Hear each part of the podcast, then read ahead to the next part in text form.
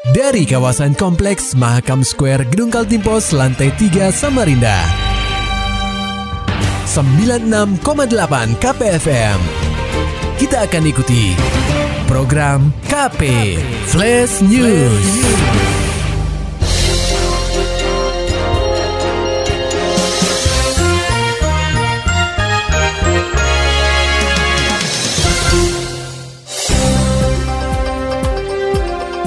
Anda sedang menyimak program KP Flash News bersama saya Agung Pratama. Pendengar KP tertangkap tangan sedang menjajakan sabu-sabu. Kakek 60 tahun berinisial AM diringkus tim Haina Satres Narkoba Polresta Samarinda di salah satu rumah di Jalan Damanhuri Gang Masjid, Kelurahan Sungai Pinang Dalam, Kecamatan Sungai Pinang, Senin 5 Juni 2023 lalu. Dari penggeledahan yang dilakukan baik badan maupun rumah pelaku, petugas menemukan sebuah kantong kresek berwarna putih yang di dalamnya berisi kotak kacamata berwarna hitam. Ketika dibuka, kotak tersebut berisi tiga poket sabu seberat 2,12 gram bruto. Tak lama berselang, handphone AM mendapatkan notifikasi SMS banking dengan pemberitahuan bahwa uang senilai 10 juta rupiah telah masuk ke rekening pelaku. Pengakuannya uang itu adalah dana untuk melakukan pembelian narkoba. Selang beberapa jam, pelaku dihubungi oleh seseorang berinisial FR untuk mengambil narkotika. Petugas bersama pelaku kemudian menuju ke lokasi yang telah diberitahu tersebut dan menemukan barang bukti dua poket sabu dengan berat 15,11 gram bruto. Kapolresta Samarinda, Kombes Pol Arif Adli melalui Kasat Res Narkoba Kompol Riki Ricardo Sibarani menerangkan pelaku diketahui berperan sebagai pengedar dan telah menjajakan barang haram tersebut lebih dari satu tahun. Setiap 10 gram sabu yang berhasil dijual, AM akan mendapat upah sebanyak satu juta rupiah.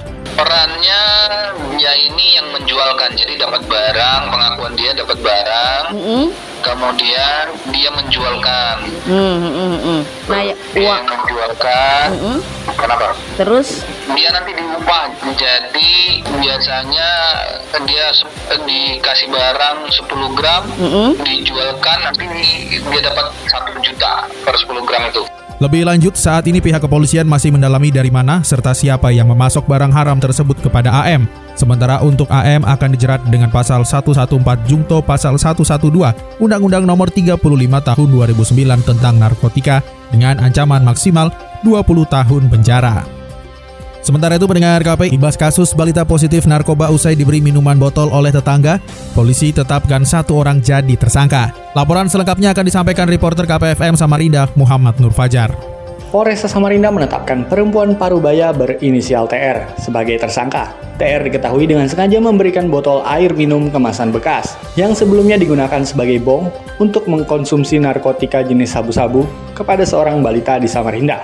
Akibatnya, Anak laki-laki berusia 3 tahun itu tidak bisa tidur selama tiga hari, dan hasil tes urin menyatakan bahwa air seninya mengandung metamfetamin atau sabu-sabu. Penetapan TR yang tidak lain adalah tetangga dari korban dibenarkan oleh Kapolres Samarinda, Kombes Pol Arif Adi, melalui Kasat Reskrim, Kompol Rengga Puspo Saputro. Rengga menjelaskan, awal mula kasus ini terjadi ketika ibu korban bersama anaknya mendatangi TR yang sedang menumpang di kos temannya berinisial RI. Ibu korban berniat untuk meminjam uang kepada TR yang tidak lain adalah rekannya sesama pekerja warung makan. Setelah sempat berbincang, korban menyampaikan kepada ibunya bahwa dia meminta minum. Keinginan buah hatinya itu langsung diutarakan sang ibu kepada TR, hingga akhirnya pelaku menyerahkan botol minuman yang ada di bawah meja tamu. Nah, kemudian setelah itu dia serahkanlah de, ke pelaku ini kepada ibu korban. Ibu dulu ya. ya. Okay. Dan ibu korban minumkanlah ke anaknya. Okay. Dari motifnya pelaku ini tidak menduga bahwa uh, kemasan botol yang dia pakai pada saat malam harinya dipakai untuk konsumsi sabu di bong itu masih F, apa masih bereaksi hmm untuk diminum tuh masih ada efeknya. Masih ada itu masih ada. Okay. Karena kan biasanya kan orang ngisep bong itu kan ngisepnya itu kan asapnya yang diisep hmm, bukan ya. airnya kan itu dan dia tidak menyangka itu gitu. Oh. Klaimnya klaimnya itu seperti oh, itu. Gitu. Iya. Padahal dia tahu bahwa kemasan botol dipakai untuk untuk bong apa. Dia tahu ya bahwa ini dia dipakai ya, Iya. Setelah melakukan pemeriksaan kepada empat orang saksi, akhirnya Polresta Samarinda menetapkan TR sebagai tersangka. TR akan dijerat dengan pasal 89 Jungto pasal 76 huruf J Undang-Undang Nomor 35 Tahun 2014 tentang perubahan atas Undang-Undang Nomor 23 Tahun 2002 tentang perlindungan anak dengan ancaman maksimal 10 tahun penjara. KPFM Samarinda, Muhammad Fajar melaporkan. Kita beralih ke kabar olahraga pendengar KP, tim rugby Kaltim menakar peluang di Prapon. Berita ini diturunkan rekan kami Maulani Al-Amin. Rugby Kaltim optimis meraih hasil maksimal di kualifikasi Pekan Olahraga Nasional atau Prapon, Banten, Agustus nanti.